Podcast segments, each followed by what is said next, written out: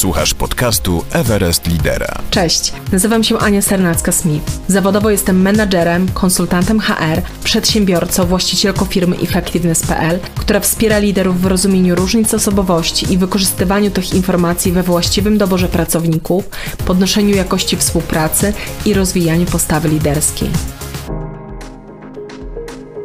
Tytuł tego odcinka Feedback, czyli o tym, jak dobrze udzielać informacji zwrotnej pracownikom. Cześć, dzień dobry w kolejnym odcinku podcastu Everest Lidera. A dzisiejsze spotkanie poświęcimy jednemu z najważniejszych narzędzi szefa, czyli informacji zwrotnej. Zacznę od tego, że szef zespołu powinien jej udzielać i powinien wiedzieć, jak to robić dobrze. No, to jest oczywiste. Ale ja sobie uknęłam taką myśl, że to oczywistość, e, która komplikuje się, kiedy spojrzymy jej w oczy. Bo jak tam spojrzymy, to się okaże, że e, po pierwsze, nie wszyscy jej udzielają, e, wielu od niej ucieka, wielu jej udziela, ale też nie do końca zawsze przynosi efekt. Wielu na przykład udziela, ale nie ma pewności, czy robi to dobrze, czy robi to wystarczająco często i tak dalej, i tak dalej dużo by mówić. To dobrze, bo dużo na ten temat ma do powiedzenia mój dzisiejszy gość, dr Grzegorz Radłowski, który jest autorem pokaźnej i rozmiarowo, i co za tym idzie merytorycznie książki Sztuka Feedbacku. Cześć Grzegorzu. Cześć, witam serdecznie. Grzegorzu, zanim przejdziemy do informacji zwrotnej, to gdybyś naszym słuchaczom powiedział o tym, kim dzisiaj jesteś e, zawodowo. Jasne, to ja mam takie trzy nogi zawodowe. Od y, dobrych kilku miesięcy, nie, niedługo będzie rok już to, w totalu. E, pracuję dla globalnej firmy doradczej z Wielkiej Piątki w jednej z tych firm. Pracuję na rynku międzynarodowym, czyli to oznacza, że od poniedziałku do piątku właściwie duchem i sercem jestem poza granicami naszej pięknej krainy. Czyli pracuję w języku angielskim, też znam trochę fiński, hiszpański, w związku z tym też mam czasem przyjemność się przełączyć na te języki. I głównie zajmuję się, odpowiadam za taką część, która dotyczy Digital Learning Strategies, czyli dostarczam strategie learningowe i takie, które pozwalają ludziom uczyć się lepiej w organizacjach, nabywać kompetencji, właśnie w formule mm, cyfryzacji. Tak? W związku z tym to jest głównie celem moim, mojego zespołu. Pracuję głównie w zespołach projektowych. To oznacza, że, że zarządzam zespołem, ale za chwilę jestem sam zarządzalny w innym projekcie, więc to też jest bardzo ciekawe, o czym zapewne będziemy trochę mm, mieli szansę dzisiaj porozmawiać. Druga moja, moja noga zawodowa to jest, jestem osobą bardzo kreatywną i potrzebuję gdzieś swoją energię intelektualną, y, można powiedzieć, y, zaspokoić. To oznacza, że piszę książki. W związku z tym ta książka, o której dzisiaj będziemy rozmawiać, to jest czwarta książka moja. Podobno całkiem się źle udała. Tak nam rynek odpowiedział więc to, mm, to jest to. No i trzecia noga zawodowa to od wielu, wielu lat jestem doradcą zarządów i, i konsultantem biznesowym, gdzie pomagam firmom na różnych etapach w takich obszarach jak ekonomia, mm, rozwój kompetencji. Najczęściej, ponieważ jestem doktorem nauk ekonomicznych, a z tego pierwszego rudymentarnego wykształcenia jestem socjologiem po Uniwersytecie Warszawskim, więc jak widać, e, dzisiejszy świat biznesu szczególnie wymaga, można powiedzieć, interdyscyplinarnego podejścia, no i ja staram się o nie bardzo, bardzo zadbać po prostu. Dziękuję Ci, brzmi bogato i jakby wiem o Twoim doświadczeniu i o tym, z kim pracujesz, jakie zespoły wspierasz. Celowo mówię, że tego jest dużo, bo sobie myślę, Dlaczego informacja zwrotna, gdzie często mówimy, że to jest takie podstawowe narzędzie? Co jest takiego w tej informacji zwrotnej, że książkę jej poświęciłeś? Jasne. Informacja zwrotna, mm, ja w zasadzie zacząłem na nią bardzo szczególnie zwracać uwagę. Co to oznacza, że znalazła się w takim centrum mojego zainteresowania w życiu, a nie na jakichś tam peryferiach. To było kilkanaście lat temu, jak zaczynałem swoją karierę zawodową i pamiętam, to była pierwsza korporacja, w której pracowałem, to była AXA, wtedy w Polsce, w Polsce była francuska AXA, w tej chwili to już jest w Polsce Unika, ponieważ oni się sprzedali. I byłem jednym z pierwszych menadżerów zatrudnionych do tej firmy. I pamiętam, kiedy zaczynaliśmy prowadzić szkolenia dla y, działu sprzedaży, zauważyłem w jaki sposób, i, i to był jeden z większych dylematów, jak menadżerowie myślą o tym, Mówią zaraz, stary, jak ja mam nauczyć tych ludzi, żeby doradzali klientom w określony, odpowiedzialny sposób, oczywiście zgodnie z wymogami wtedy wówczas e, Urzędu Ochrony Konkurencji i Konsumentów czy Nadzoru Finansowego w Polsce, bo też pamiętajmy, że to się dopiero kształtowało w taki bardziej odpowiedzialny sposób, szczególnie w ubezpieczeniach, więc ja szukałem wszelkiego rodzaju formuł, które mogą, mogą to pozwolić lepiej robić. I wówczas miałem szansę dosłownie wrócić do Polski, bo pojechałem jeszcze chwilkę wcześniej, byłem w Finlandii na stypendium i tam w Finlandii jest bardzo płaska y, struktura zarządzania. Generalnie oni są bardzo tacy nieformalni często, ale ja zacząłem zwracać uwagę, co takiego się tam dzieje. I jak już byłem w tej aksie, to sobie zobaczyłem, mówię, zaraz, zaraz, zaraz. Oni, oni inaczej trochę tą informację zwrotną udzielają. Przede wszystkim oni zamieniają informację zwrotną w konwencję uczenia, czyli naturalnie w zasadzie dla nich oni to nieświadomie dość robili, Finowie szczególnie, coś takiego, że właściwie to, to ja udzielam tej informacji zwrotnej, że to jest tak naturalne zjawisko komuś, że ja to przyjmuję w ogóle, biorę pod uwagę, jak ktoś na coś zwraca uwagę, jak na przykład e, współpracuję z klientem, że ja mówię zaraz, to, to coś w Polsce też musi być coś takiego, znaczy musimy coś zacząć takiego kształtować. I wtedy właśnie to był ten przyczynek. I wtedy w akcie zacząłem używać właśnie takiej formuły green feedback, to się nazywało ładnie, czyli zielony feedback, która jest, umówmy się, no jak truizm prosta. Ona mówi, jest prostą konstrukcją. Mówi, co takiego zrobiłeś, to co zrobiłaś, czy zrobiłeś, jest twoją mocną stroną, albo dziękuję ci za to po prostu. I w drugiej części to jest następnym razem zwróć proszę uwagę na to, na to i na to. A jeśli ktoś jest bardziej doświadczony, zadaje pytanie, słuchaj, co możesz następnym razem zrobić inaczej, żeby mieć poczucie, że te kilka procent robisz to lepiej. Czyli lekcję w zasadzie z tego, z tego wyciągasz. I tamto wydarzenie no, bardzo zmieniło moje myślenie. To znaczy, to było już tak kontrastowe. Jak sobie później rozwijałem swoją karierę, tam w Aksie byłem prawie 4 lata. Mm, później przechodziłem do następnej e, korporacji, zostałem szefem mm, dużego e, działu, jednego w jednej korporacji, w drugiej korporacji. Później zacząłem swoją firmę od A do Z mm, kierować, czyli z klientami już bezpośrednio w Europie, pracować chociażby z Niemcami. I zacząłem bardzo, już tak bardzo kontrastowo na to zwracać uwagę. No i tak jakieś trzy lata temu, cztery w zasadzie, cztery lata temu w zasadzie powiedziałem nie. Następna książka po mądrości mentoringu, inteligencji, coachingu, no musi być coś, co też jest mądre i inteligentne, czyli, czyli feedback i informacje zwrotne. Najwyższy czas się tym zająć. I wtedy rzeczywiście bardzo przekrojowo wszedłem w ten temat. Zacząłem, można powiedzieć, jest coś takiego w literaturze globalnej, czyli anglojęzycznej najczęściej, że może, możemy mówić o zjawisku feedbacku, czyli już nie jako feedbacku, jako narzędziu, czymś takim właśnie prostym, o czym, co, co trochę przytoczyłem przed chwilą, ale o zjawisku, czyli właściwie gdzie ona występuje, po co się ją używa i tak naprawdę co ona robi odbiorcy i co robi nadawcy. I, i właściwie Grzegorz, to. to może zaczniemy od początku. Mhm. Co to jest informacja zwrotna? Informacja zwrotna to jest tak naprawdę sprzężenie zwrotne w komunikacji, które dotyczy bardzo różnych kontekstów, sytuacji, różnych rzeczywistości, o których za chwilę trochę więcej Ci powiem, który, w które mają szansę zidentyfikować rzeczywistość y, w taki sposób, gdzie jest jasny nadawca i jasny odbiorca, i oni coś muszą razem załatwić, tak najprościej po prostu o tym mówiąc. A te konteksty, w których my używamy informacji, są cztery, które ja najczęściej identyfikuję najprostszy sposób. Pierwsza to jest tak zwane jaja, i tu nie chodzi o jaja wielkanocne, które mieliśmy niedawno, tylko chodzi ja, ja, czyli jakość dialogu, jaki ja mam sam ze sobą jako człowiek. Co to oznacza? Często zapewne y, nasi, nasi słuchacze mają tak, a podejrzewam, że ty też, Ania, masz, ja mam tak często, że lubimy rozmawiać z inteligentnymi ludźmi, dlatego lubimy ze sobą pogadać, po prostu, czyli ze sobą samymi. I teraz jak jedziemy sobie samochodem zazwyczaj, albo mamy taką, taki, taki czas trochę na refleksję, jak już sporo zrobiliśmy kilometrów samochodem, to wtedy więcej się zajmujemy myśleniem niż obserwowaniem tego, to są automatyzmy, to mamy coś takiego, że sobie zaczynamy rozmawiać, a pff, jaką ja właściwie powinienem decyzję podjąć, tak? Jakiś dylemat, który mam. Na przykład dotyczący tego, jak nie wiem, robimy remont w mieszkaniu i sobie myślimy, kurczę, zielone te ściany, bo ta ściana trochę inna powinna być.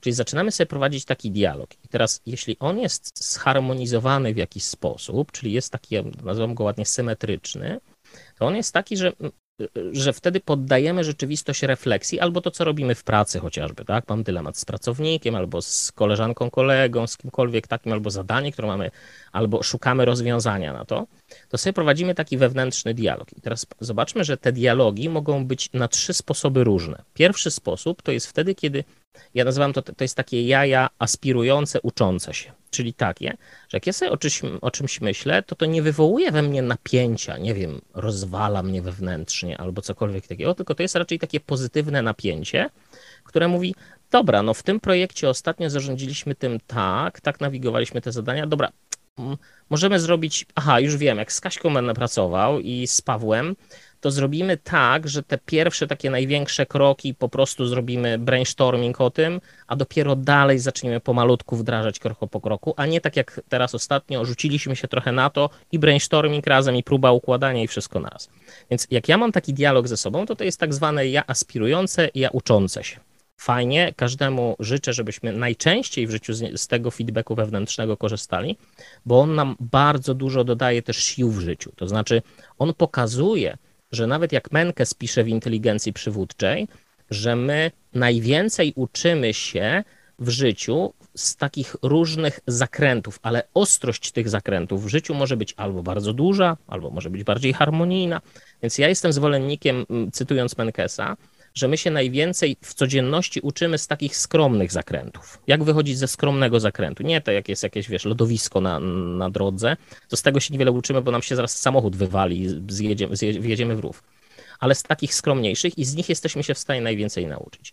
Drugie jaja znowu, i tu znów nie te jaja wielkanocne, to jest tak zwane jaja napięciowe, czyli takie, które właśnie, tak jak Menkes powiedział, to są te takie ostre zakręty, ale jeszcze nas nie wywalają e, z takiego codzien codziennej ścieżki realizacji zadań. Co to znaczy?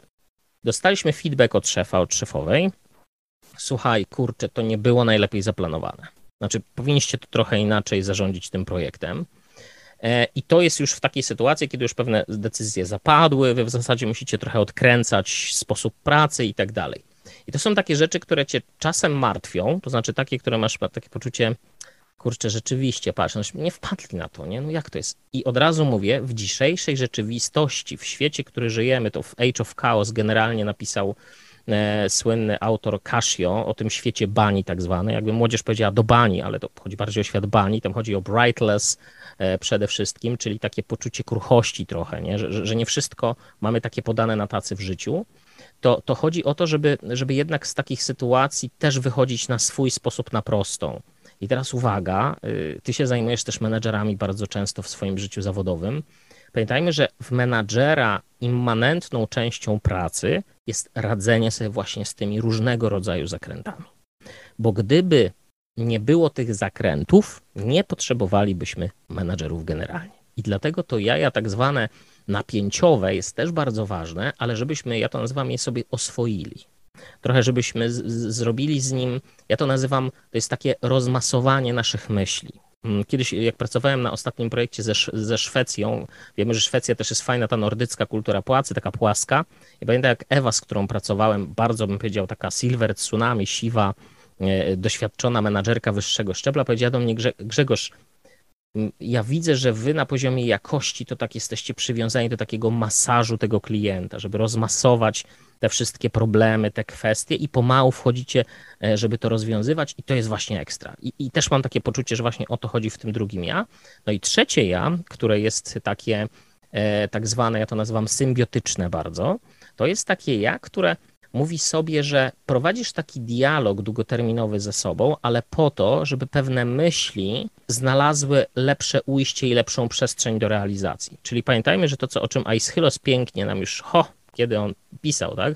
A nam o tym wspominał, że żebyśmy byli skuteczni, muszą zajść trzy warunki: miejsce, czas, akcja. Tak? To znaczy, musi to być dobre miejsce, musi to być dobry czas i właściwa akcja.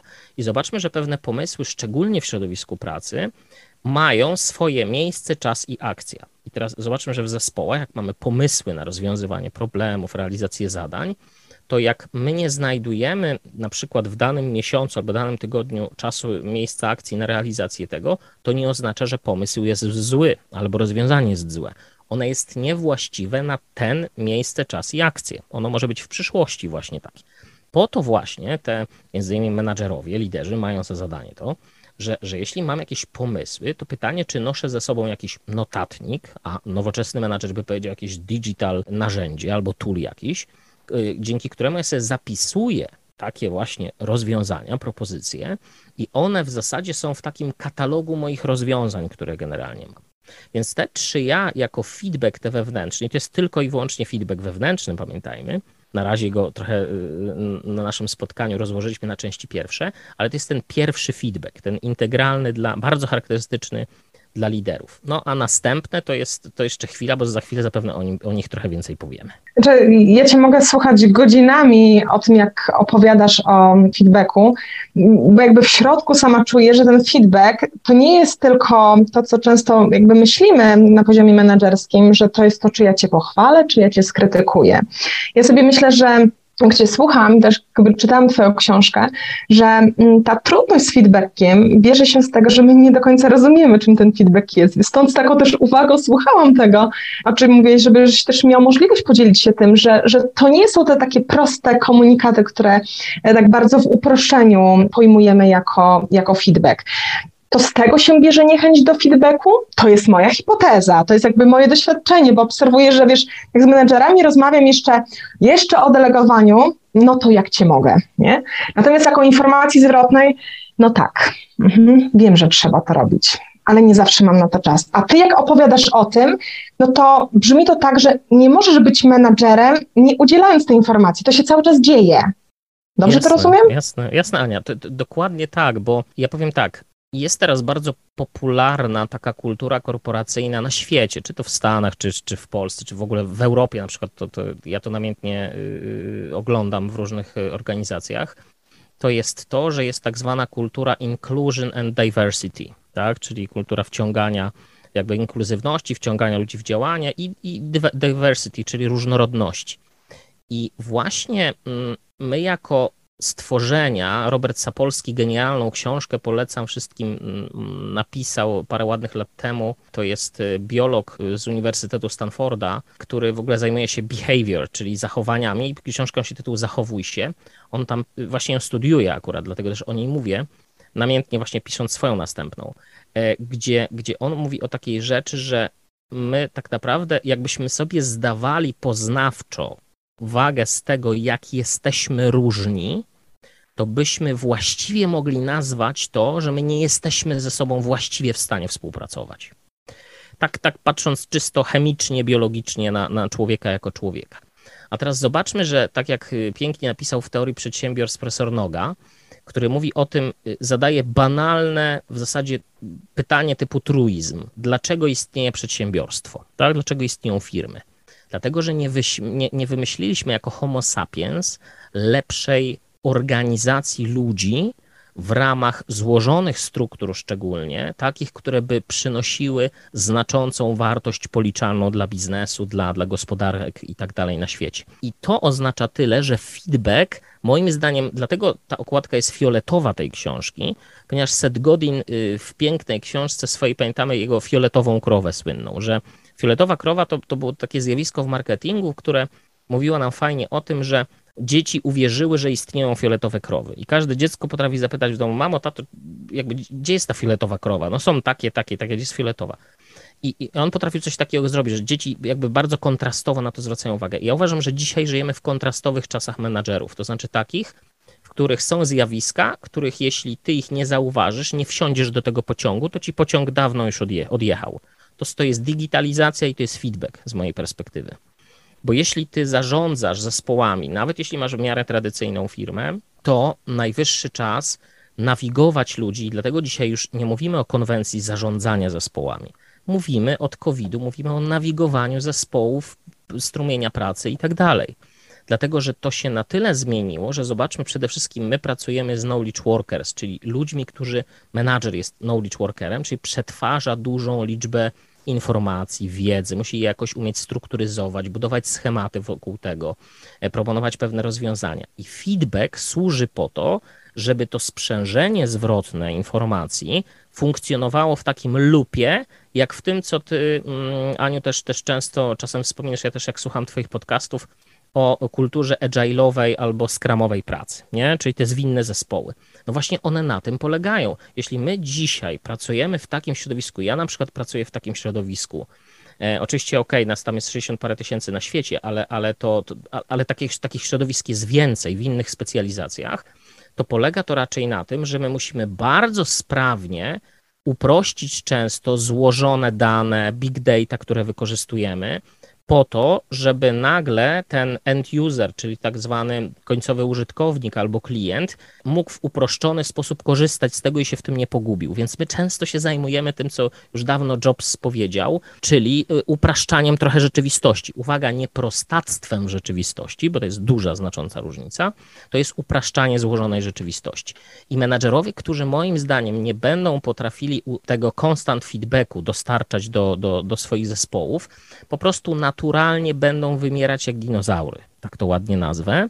Y, dlaczego? Bo, bo, nie będzie rezultatów. Pamiętajmy, że menadżerów się zatrudnia po to, menadżerki i ludzi, którzy się zajmują zarządzaniem w ogóle, tym, żeby przynosili rezultaty do firmy, ale tylko i wyłącznie pod jednym warunkiem, że we właściwy sposób zarządzą strumieniem zadań, w których pozytywnie, ja to nazywam, wykorzystają potencjał ludzi, wykorzystają talenty, wykorzystają to wszystko, co, co ludzie mają jako assets, jako zasoby, jako aktywa y, w głowach często. Grzegorz, to chcąc pomóc tym menedżerom nie wymierać, jak powiedziałeś, no bo też to, że tworzę ten podcast, to jakby cel jest taki, żeby właśnie wspierać menedżerów w tej codzienności, to o czym taki menedżer, myśląc o feedbacku, o tym constant feedbacku, o którym powiedziałaś, czy on jakby no, jest cały czas.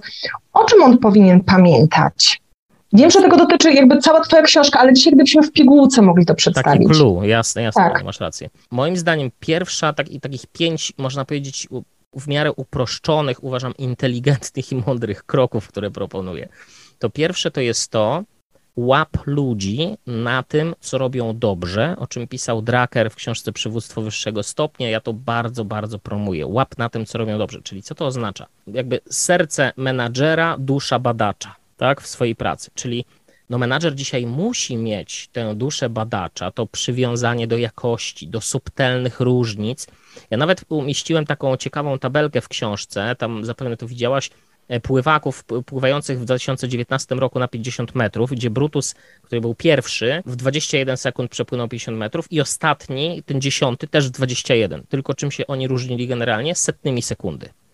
I ja biorę często to y, sobie na slajd, jak prowadzę konferencję, jakąś e, występuję na konferencjach albo, albo dla firm i pokazuję to jako, zobaczcie, czy my czasem nie jesteśmy dzisiaj na takim właśnie rynku. Znaczy rynek jest tak gęsty, że my przechodzimy w różnicach dostarczanych wartości dla firm często na poziom setnych sekund, czyli, czyli co będzie robiło różnicę, na przykład jakość serwisu, bardzo subtelna jakość serwisu. Więc nie ma takiej różnicy, tylko jest taka różnica. I to oznacza, że w tym przypadku łapanie ludzi na tym, co robią dobrze, użytecznie, trochę, ja to nazywam, że jak pracuję z Anną na przykład i wiem, że Anna, zresztą w moim zespole dzisiaj jest Anna, którą serdecznie pozdrawiam i Ania, Ania super pracuje i jak się łapie mm, człowieka na tym, co robi dobrze, to ty widzisz, jak te cegiełki pomału się tobie układają w głowie, bo ty dostrzegasz to, co ta, robi, ta osoba robi użytecznie, analizuje w danym kontekście, czy powinniśmy rozważyć taki scenariusz, czy taki, ma kilka scenariuszy, szuka alternatyw, to to oznacza, że to jest, ja to nazywam, bardzo odpowiedzialne, świadome wejście w świat pracy. I, i, i tak ono powinno być. Więc łap ludzi na tym, co robią dobrze, bo to powoduje naturalnie, tak jak Sapolski pisze w tym Zachowuj się, że kieruj ludzi na, na wprowadzanie ich w pozytywny nastrój, w zmotywowany pozytywny nastrój. Druga rzecz, którą dobrze, żeby zwrócić uwagę, jest taki model Jurgena Alapeno, który ja zacytowałem też w książce, jeden z nich, który bardzo ciekawą rzeczą, w ogóle Jurgena też polecam wszelkie książki i on, on naprawdę mądrze pisze o zarządzaniu. Ja nazywam to, że, że pisze bardzo, dość prosto, ale w taki sposób, że dostrzegamy wielopoziomowo to, co, co tak naprawdę jest ważne w tej pracy, w zarządzaniu. To on ciekawą rzecz pisze o tym, że e, ok, przedstaw kontekst, jak komuś udzielasz informacji zwrotną i tak dalej, ale zawsze sortuj według wartości to, na co zwracasz uwagę, jeśli chodzi o jakość oczekiwaną, tak, jako menadżer. Czyli sortuj według wartości. Pokaż człowiekowi, co jest must, should and nice to have. Albo najważniejsze, mniej ważne i najmniej ważne. Teraz z jakiego powodu? No bo mamy kulturę diversity, różnorodności. Co to oznacza? Ludzie wchodzą do pracy z bardzo różnymi talentami, potencjałami, tym, ja nazywam to, że potencjał to jest coś, co, co nikt nigdy nie widział, ale każdy wie o co chodzi. Tak? To jest potencjał często. E, I nie mylić z potencją tak? na, na rynku. Natomiast chodzi o to, że ludzie wchodzą z tak różnymi często dzisiaj talentami, wiedzą, umiejętnościami, takim upskillingiem swojej pracy, że nagle my właściwie, jak siedzimy i ze sobą rozmawiamy w pracy, czy online'owo, ja akurat szczególnie teraz pracuję online'owo, to jak mam zadania do wykonania, to najpierw je kładę na stół i mówię, spójrzcie, zobaczcie, to są rzeczy, które wyglądają na to, że można je udoskonalić, to powiedzcie, kto, kto ma ochotę się czym zająć, tak żeby pracować zgodnie ze swoim tak zwanym mood transfer, tak, czyli ten, ten, ten, ten transfer taki, taki rzeczywiście swojej wiedzy na tę rzeczywistość, którą mogę za chwilę dostarczyć klientowi, tak, szczególnie jak się pracuje z klientem, na przykład w B2B. Więc to jest na pewno ta, ta zasada Jorgena Peno, tak, czyli jednak sortuj według wartości. Trzecia rzecz to jest to, że niczego nie oczekuj, a wszystkiego się spodziewaj. Tak, to jest bardzo ważne, tak jak w coachingu też bardzo podobnie się podchodzi. Ja uważam, że ta zasada feedbacku jest bardzo istotna. Niczego nie oczekuj, a się spodziewaj i uwaga, w dwóch płaszczyznach. Jedna płaszczyzna feedbacku zawsze powinna, do, zawsze, rzadko mówię zawsze, tu mówię zawsze, powinna dotyczyć specjalizacji albo treści pracy. Tak? Czyli na przykład, jeśli to jest programista, to E, mm, sposób jego kodowania e, na przykład albo programowania, to to jest ta treść, w której ja powinienem udzielić mu informacji zwrotnej, czy jej. Po drugiej stronie, uwaga, są zachowania. I to jest, są te rzeczy, które ty, ty, ty też częściej, Aniu, w swojej działalności też e, używasz często w pracy z menadżerami, uczysz. To jest ten mechanizm, bo zobaczmy, że te mechanizmy oba mogą być asymetryczne. I teraz uwaga, dlaczego? No, mamy do czynienia z wybitnym, wybitną specjalistką, zgadza się? A po drugiej stronie mamy zachowania, które skrajnie niewłaściwie eksploruje, jeśli chodzi i pokazuje w swojej pracy. No i teraz mamy oto, e, proszę Państwa, dylemat no, niewiarygodny. Dlatego, że tak, mam bardzo wartościowego człowieka, który mi dostarcza wartościowe produkty pracy, samej pracy, obiektywnie patrząc, ale na przykład jak pracujemy z klientem i ta osoba nie będzie właściwie kształtowała, nie będzie się uczyła właściwych kontekstowych zachowań, które są pożądane przez klienta, no to tak naprawdę my wiemy, że często klienci kupują pewien kształt, pewną formułę, z której są albo zadowoleni, albo nie. I niestety 50% aż tego, co jest, decyduje właśnie również zachowanie, czyli jak to podamy, na jakiej tacy my podamy to danie, tak? Bo jeśli na kiepskiej tacy, to, to naprawdę klient tego nie dostrzeże, szczególnie w takich zawodach, e, gdzie pracujemy serwisowo, tak, czyli obsługujemy klientów, szczególnie w B2B, to, to ma bardzo duże znaczenie. Więc pamiętajmy, że ten feedback i też menadżerowie powinni dos, naprawdę w tych dwóch płaszczyznach je rozróżnić, i dzięki temu, że rozróżniają, to widzą, czego powinni ludzi uczyć i na co zwrócić uwagę. No bo jeśli wiem, że ktoś ma tutaj więcej do, do edukacji, do uczenia się w obszarze treści, no to ma, a jeśli to są zachowania, to też wiem, że ma. Tak? W związku z tym trzeba to bardzo zwrócić uwagę.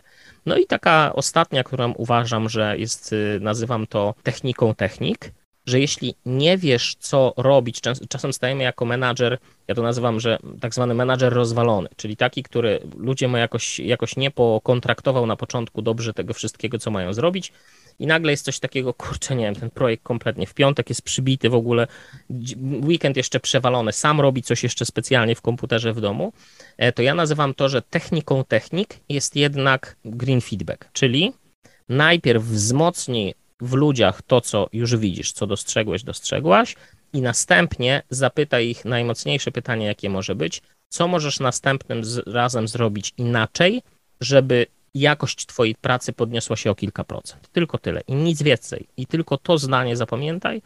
Nagle się okazuje, że rzeczywistość, w której, w której jesteś, y, odrobinę zmienia się na lepsze, tak? Oczywiście krok po kroku. E, nasi słuchacze tego nie, nie widzą, natomiast słuchając Ciebie się bardzo uśmiecham, bo y, dla mnie jesteś kolejnym przykładem e, lidera, który wierzy w to, że od pozytywnego wzmocnienia ludziom wcale się w głowach nie poprzewraca. To jest takie często jakby takie, takie nie, dylemat menedżerski, co zrobić, żeby, wiesz, przypadkiem ludzie nie obrośli piórka, więc tak słyszę, że, że potwierdzasz, że nie, nie, nie obawiajmy się tego. Oczywiście mał, małą rzecz, Aniu, e, taką trzeba powiedzieć. Ja bardzo róż, rozróżniam pochwałę od wzmocnień. Bo zobaczmy, że chwalimy i nagradzamy ludzi raczej za duże wydarzenia w pracy. Tak? Że albo, albo takie potoczne czasem, co słyszymy tam, a good job i tak dalej. Nie? Natomiast pamiętajmy, że właśnie wzmocnienia to jest wzmocnienie albo w treści pracy, albo w konkretnych zachowaniach, w konkretnej proaktywności. To jest właśnie to złapanie na tym, co robi dobrze. Jak ja to złapię jako menadżer, nagle się pomalutku te cegiełki zaczynają układać w zespole, nagle się okazuje, że ludzie widzą, że taki sposób pracy i, i, i te wzmocnienia powodują, że, że jest po prostu wzrost zaufania. Tak? Jak mamy wzrost zaufania, to ludzie też nie są na przykład w zespole w stanie później e, nam pokazywać tak zwanych na ostatnią chwilę problemów, tak? tylko po prostu przychodzą dość szybko na konsultacje, konsultujemy się, dajemy sobie ten constant feedback, zresztą nawet Google robiło takie, też umieściłem to w książce Management Feedback Survey, bardzo, bardzo fajną rzecz w 2018 roku. Zobaczmy, duże organizacje, które się wydają być wzorcowe, nawet to robią, mówią o tym, wówczas zrobili takie badania u siebie wewnętrznie, które mówią, dobra, zapytamy pracowników i menadżerów na różnych szczeblach, tak naprawdę w jaki sposób chcą uzyskiwać feedback i jak to powinno wyglądać. No i się okazało co? Że tak naprawdę constant feedback, czyli codzienny feedback operacyjny, wnosi najwięcej wartości właśnie w tych dwóch płaszczyznach. Bo pamiętajmy, że ta płaszczyzna w feedbacku, pierwsza, która jest najważniejsza, feedback jest stosowany w nauce. Pamiętajmy, że ta w ogóle nauka jako nauka nie rozwinęłaby się na świecie, i to też pokazuję w książce, gdyby nie informacja zwrotna. Zobaczmy, że jeśli wszelkie badania laboratoryjne, które są e, prowadzone, są w zasadzie obowiązkowo poddane feedbackowi rynku. Tak? Zobaczmy, że się robi testy, wszelkie, wszelkiego rodzaju testy są feedbackiem na temat jakości mm, poznania tego, czy rzeczywiście to służy terytorium intelektualnemu, terytorium emocjonalnemu i poznawczemu klienta. Po prostu, tak? Czy, czy to służy? To jest bardzo istotny aspekt feedbacku generalnie. Czy dobrze rozumiem, że to już nawet nie kwestia tego, z jakiego modelu skorzystam. Jakby no naturalnie pewna struktura jest ważna, no tak. ale kluczem jest to, żebyśmy dobrze rozumieli, czemu on ma służyć. Tak, nie, tak. Po co ja to robię? Oczywiście. Nie, jakby, czy znowu jakby ta postawa, która, e, która za mną stoi.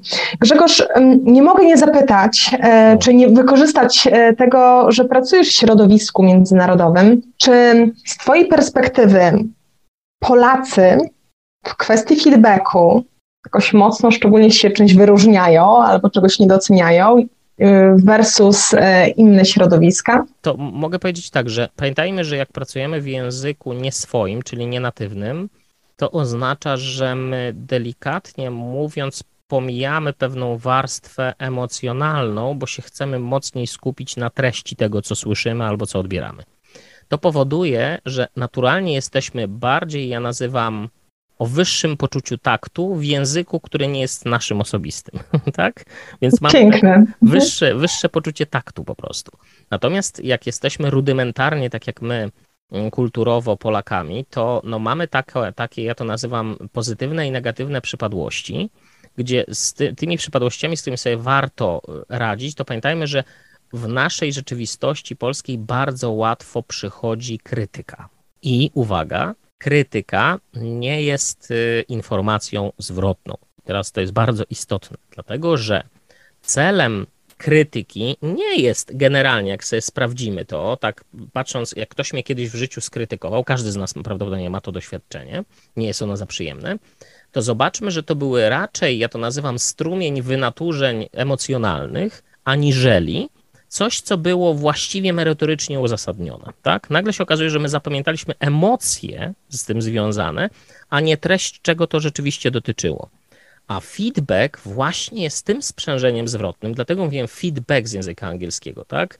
E, to, dlatego to jest sprzężenie zwrotne, dlatego że ono ma kompletnie inną funkcję. Ono ma tak naprawdę nakarmić drugą stronę w jakiś sposób, dodać wartość. I to jest ta znacząca, e, znacząca różnica. Zresztą na co dzień zobaczmy, że pracując w środowisku międzynarodowym i nie tylko korporacyjnym, tak, poza tym jak się powiedzieć do Anglii, nie wiem, gdziekolwiek, czy do Stanów, czy cokolwiek, częściej ludzie używają na co dzień czegoś takiego, jak mówią, give me the feedback, nie, albo coś takiego, to jest częściej używane. A u nas na przykład słyszałeś gdzieś na ulicy czy gdziekolwiek, przepraszam, daj mi informację zwrotną. No, myślę, że to by było co najmniej za dziwnie uznane, albo bardzo, bardzo rzadko. Oczywiście oprócz w firmach wewnętrznie to się, to się już znacznie częściej pojawia. Dlatego pod tym względem nie krytykowanie, a właśnie nawigowanie tego, żeby robić coś we właściwy sposób. Tylko, że jest jeden warunek. Musimy być w paradygmacie, my właśnie w tej kulturze jeszcze folczwarcznej, trochę tej polskiej klasycznej, w paradygmacie potencjału ludzi. To znaczy, jeśli ja zapraszam kogoś do pracy albo zatrudniłem kogoś, to zakładam, że ja zatrudniam pewien potencjał, który nie będzie tak zwanym jak dywan rozwijany albo zwijany, bo człowiek nie jest dywanem, nie rozwija się albo się zwija, tylko człowiek albo się uczy, albo się nie uczy. Oczywiście jest to pewne założenie y, moje, które stosuję często w swoich publikacjach, ale generalnie możemy mówić o ludziach, że część ludzi jest learn-able, czyli zdolnych się do uczenia, i tacy, którzy są non-learn-able, są o małej jakości wyuczalności, nie? czyli się nie, nie nauczą wiele. Pamiętajmy, że często powinniśmy częściej zatrudniać ludzi, którzy są learn-able, tak? którzy są, dlatego właśnie zobaczmy, że robimy staże w firmach, że patrzymy na potencjał tych ludzi, dlatego są te talent pool i tak dalej, mm, właśnie z tego głównie powodu. Dlatego, to, dlatego że, że to dopiero zaczyna, zaczyna lepiej funkcjonować. Zresztą ja myślę, że my w Polsce ostatnie 20 lat czy 30 zrobiliśmy ogromny postęp, jak patrzę na takie dojrzalsze kultury korporacyjne, że już jest naprawdę dużo, dużo lepiej. Ja pamiętam, jak sam mm, pracuję ponad 20 lat i, i to dostrzegam na, na, na swoim własnym przykładzie.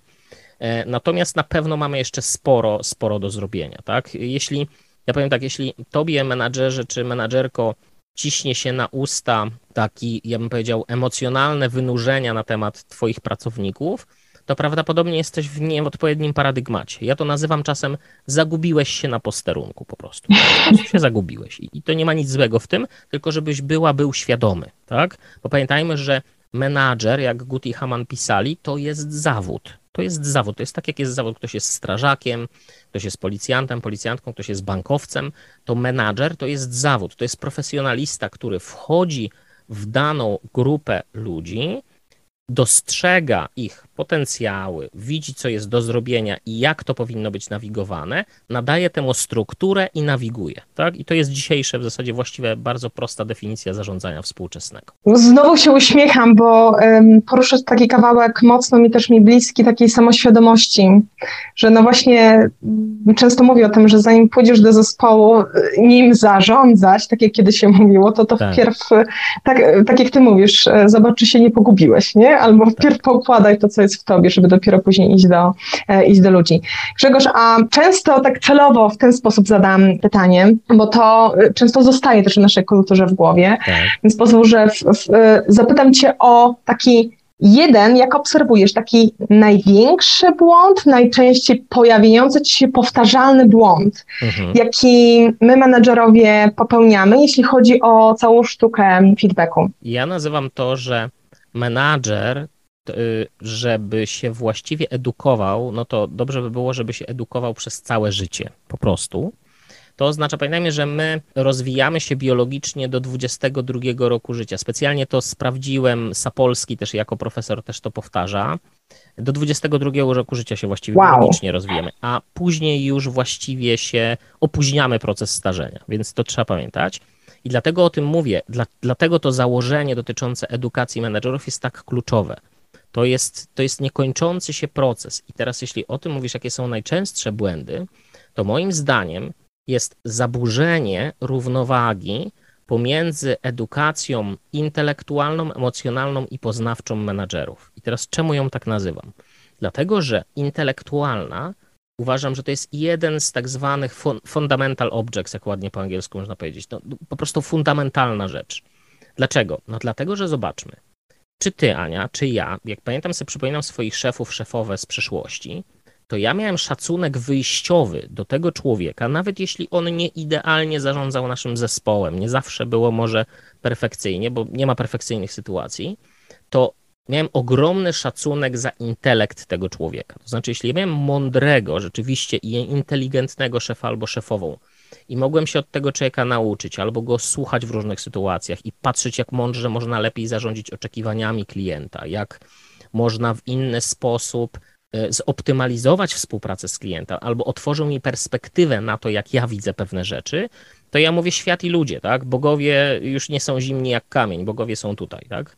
E, więc, więc to jest na pewno pierwsza rzecz. Drugi ten element edukacji, to jest ta, ja to nazywam często i to jest dość rzadko, Aniu, robione, niestety, to jest edukacja emocjonalna menadżerów.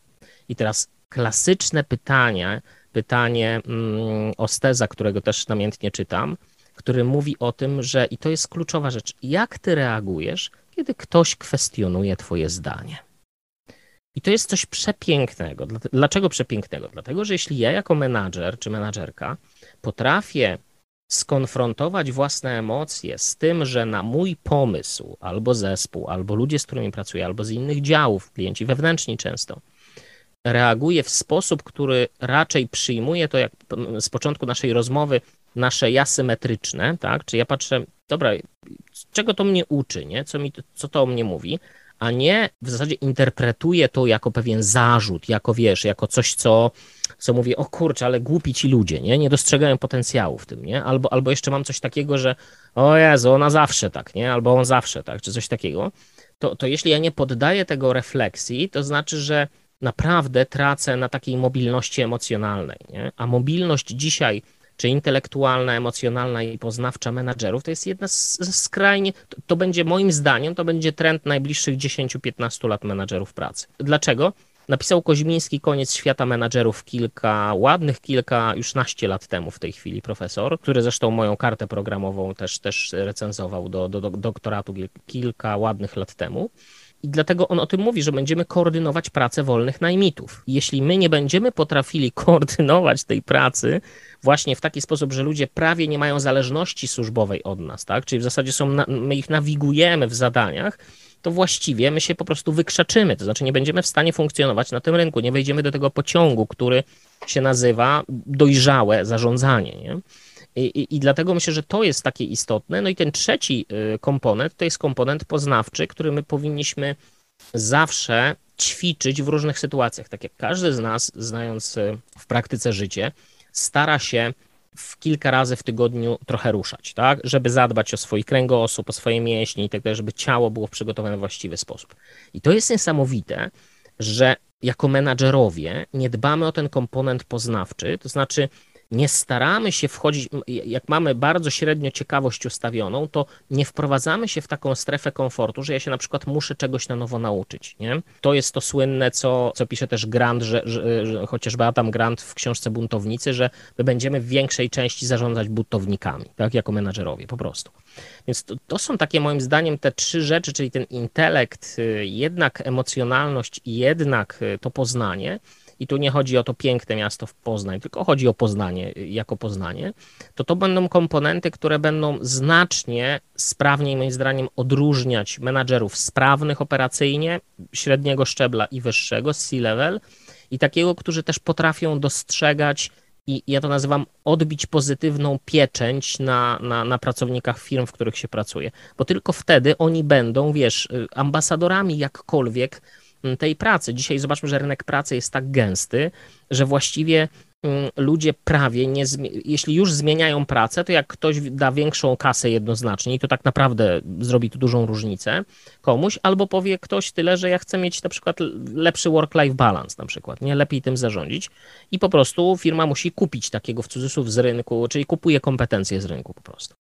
Więc myślę, że to jest ta nasza przyszłość najbliższa. Zobaczymy, czy się to sprawdzi te 10-15 lat temu. Natomiast moim zdaniem do tej mobilności intelektualnej, emocjonalnej i poznawczej, no feedback jest absolutnie, no po prostu jeśli tego nie umiesz robić, no to, to, to właściwie ciężko powiedzieć o tym, że będziesz świadomie, świadomie zarządzać. Ci, którzy tego nie robią, popełniają największe błędy, po prostu, tylko i wyłącznie. Wiesz, chyba Takim określeniem nazwałabym na, naszą rozmowę. Taka intelektualna uczta i przyjemność, wiesz?